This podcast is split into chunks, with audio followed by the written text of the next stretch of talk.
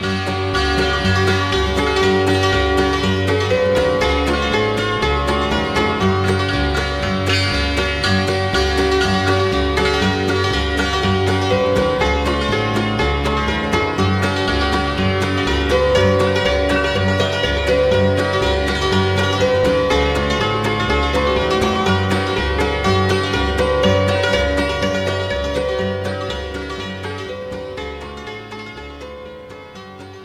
Gezin naar Gods plan. Een serie overdenkingen over huwelijk en gezin in Oud en Nieuw Testament. We zijn nu aangekomen in het Nieuwe Testament, waarna we gedacht hebben over het huwelijksleven van Jozef en Maria en nu het gastvrije gezinsleven in het huisgezin van Betanië. We lezen daarvoor in Matthäus 26, vers 6 tot 13.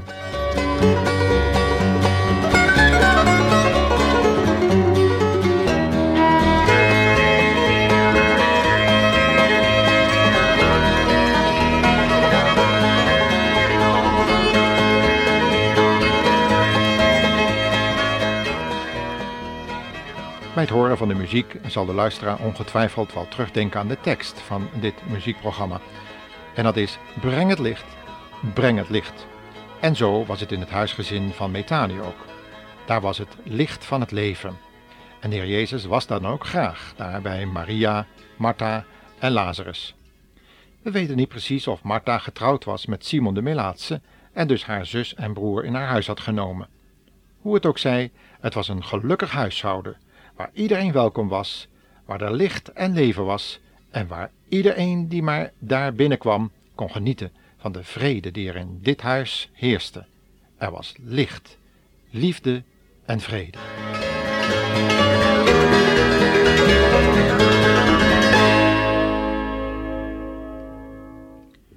De oplettende lezer zal wel opgemerkt hebben dat het hier niet om een gezin met kinderen gaat. Maar misschien was het juist daarom wel een heel geschikte familie om gasten te ontvangen die er een tijdje uit wilden zijn. Ook de Heer Jezus met zijn twaalf discipelen verbleef er graag en vonden de rust die hij als mensen zo nodig had. We kunnen niet in letterlijke zin de Heer Jezus in huis ontvangen, maar wel geestelijk. God is immers geest en wil als zodanig ook in onze geest woning maken. In de brief aan de Efeziërs, hoofdstuk 3, vers 14 tot 19, staat deze mogelijkheid beschreven. En daarom willen we het maar, maar eens lezen. Efeze 3, vers 14 tot 19 dus. Daar zegt Paulus het volgende. Hij spreekt een gebed uit voor zijn gelovige hoorders. Hij zegt: Om die reden buig ik mijn knieën voor de Vader, naar wie alle geslacht in de hemel en op aarde genoemd wordt, opdat hij u geven naar de rijkdom van zijn heerlijkheid, met kracht versterkt te worden door zijn geest in de inwendige mens opdat Christus door het geloof in uw harten woning maken. Geworteld en gegrond in de liefde, zult u dan samen met alle heiligen in staat zijn te vatten hoe groot de breedte en lengte en hoogte en diepte is en te kennen de liefde van Christus die de kennis te boven gaat, opdat u vervuld wordt tot alle volheid van God.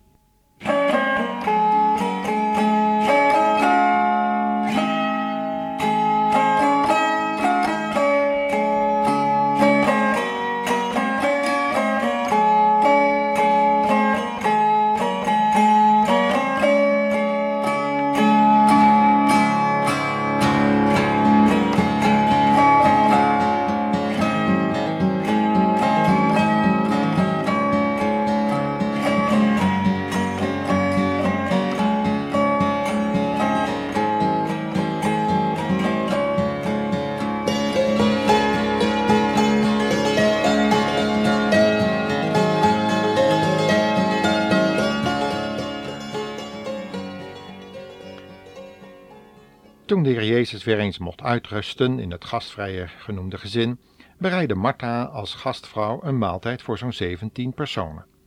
Dat bracht natuurlijk een hoop werk met zich mee, waar mannen over het algemeen maar weinig inzicht in hebben. Wat hebben wij mannen onze vrouw eigenlijk te bieden in zulke spannende momenten? En wat hebben we ze toch nodig? Wat zouden we zonder die vrouwen in de maatschappij moeten doen? Het is niet voor niets dat God in de schepping de vrouw als een hulpe tegenover de man heeft geplaatst. Helaas denken mannen dikwijls dat het allemaal wel meevalt en dat ze over een vrouw kunnen of mogen heersen, haar als een soort gebruiksvoorwerp mogen behandelen. Is het dan wonder dat er emancipatiebewegingen ontstaan? In de Bijbel is er voor zo'n behandeling van de vrouw geen plaats. Ook al wordt een Bijbel misbruikt om de verkeerde houding van veel mannen te rechtvaardigen. Zo is het toch ook met de slavernij gegaan. Met de Bijbel in de hand werd dit godonterende onrecht gehandhaafd, totdat er mannen opstonden die inzagen dat Gods gedachten hier lijnrecht tegenover stonden, vooral vanuit het Nieuwe Testament gezien. De mannen uit het huisgezin van Betanië begrepen wel hun plaats en gaven de vrouwen voldoende ruimte om hun gaven en talenten te ontwikkelen. Het resultaat kennen we: een gastvrije omgeving, zoals we die ook bespraken in de vorige uitzending, waar het over de ideale man-vrouw verhouding ging, zoals die in Spreuken 31 is besproken. Plotseling zien we echter dat er ruimte was voor vreemdelingen, die zomaar mochten binnenkomen. Een onbekend gebleven vrouw kreeg de gelegenheid iets te doen waar, weinig mensen aan hebben gedacht. Ze begon de heer Jezus te zalven. In andere verslagen over zulke gebeurtenissen lezen we van een zondares die de voeten van de heer Jezus waste en kuste en met haar haren afdroogde. En of dat nu bij deze gelegenheid gebeurde, weten we niet precies. Maar het is duidelijk dat het in dit gastvrije gezin mogelijk was. De genoemde Simon was misschien bij een vroegere gelegenheid door de Heer Jezus genezen van zijn melaatsheid. Anders had hij bij deze gelegenheid niet eens aanwezig kunnen zijn. En hoe is het eigenlijk bij ons, beste luisteraar? Is er in ons gezinsleven plaats voor gasten en vreemdelingen die een ontmoeting met de Heer Jezus willen hebben? En bent u genezen van die verschrikkelijke geestelijke melaatsheid die in de Bijbel zonde wordt genoemd? De, de dodelijke en sluipende macht van de zonde? Of leeft u alleen maar voor uw eigen plezier of kennissenkring? Misschien wel om samen met spirituele en duistere dingen bezig te zijn. Is er in uw huis eigenlijk wel plaats voor eenzame en zoekende zielen? De Bijbel geeft aanwijzingen hoe wij over gastvrijheid mogen denken.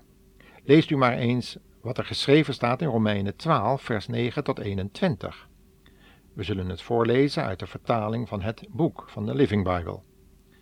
Laat uw liefde geen schijnvertoning zijn. Keer u af van het slechte, maar klem u vast aan het goede. Houd veel van elkaar als broeders en zusters en laat uw waardering blijken. Laat uw ijver niet verslappen, maar dien de Heere met enthousiasme. Wees blij, want God gaat iets geweldigs voor u doen. Geef niet op als u het erg moeilijk krijgt en houd nooit op met bidden. Help de gelovigen die tegenslag hebben en doe altijd uw best om gastvrij te zijn. Wens mensen die u vervolgen alle goeds toe. U moet hen niets kwaads toewensen. Wees blij als anderen blij zijn en verdrietig als zij verdrietig zijn. U moet één van hart en één van ziel zijn. En wees niet hoogmoedig, maar wees nederig. Doe niet of u de wijsheid in pacht hebt. Als iemand u kwaad doet, zet het hem dan niet betaald. Doe liever iets goeds voor alle mensen. Probeer voor zover het van u afhangt met iedereen in vrede te leven. Neem nooit wraak, vrienden.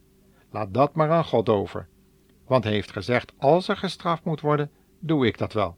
Ik zal het wel betaald zetten. Weet u wat u moet doen? Als uw vijand honger heeft, geef hem dan te eten, en als hij dorst heeft, geef hem te drinken. Want dan weet hij met zijn houding geen raad en zal hij misschien een andere houding tegenover u aannemen. Geef daarom het kwaad geen kans, maar overwin het door het goede te doen. Ja, beste luisteraar, wat u dan kunt verwachten, wordt in het volgende lied verwoord. Luister maar.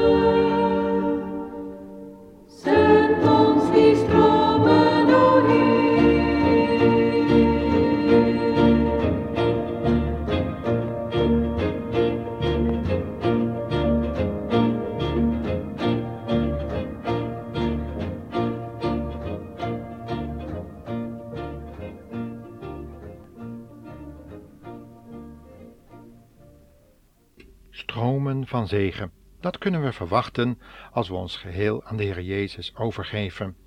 En dan kunnen we ook zo'n gelukkig gezinsleven kennen. De Heer Jezus zal u de kracht geven om dat in uw leven ook in praktijk te brengen. Zoals er staat in de Filippense brief, het is God die in u werkt, beide het willen en het werken naar zijn welbehagen. Maar dan moeten we ook luisteren naar wat Petrus daarover heeft te zeggen. Dat we onze eigen behoudenis met vrezen en beven zullen moeten uitwerken. Dat betekent zoveel als luisteren naar de stem van God door zijn Heilige Geest, die Hij in het Woord u wil duidelijk maken.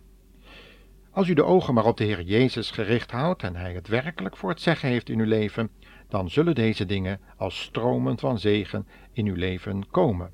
De Heer Jezus zelf zei ervan: stromen van levend water zullen uit uw binnenste vloeien. En hij zei dat van de Heilige Geest, die zou komen na zijn verheerlijking. Hij heeft het volste recht om u dat te geven, want de Heer Jezus heeft het werk immers volbracht. Hij is ook voor u naar Golgotha gegaan om uw zonden weg te nemen. Heeft mijn luisteraar de Heer Jezus voor die liefde al gedankt en Jezus als Heer aangenomen?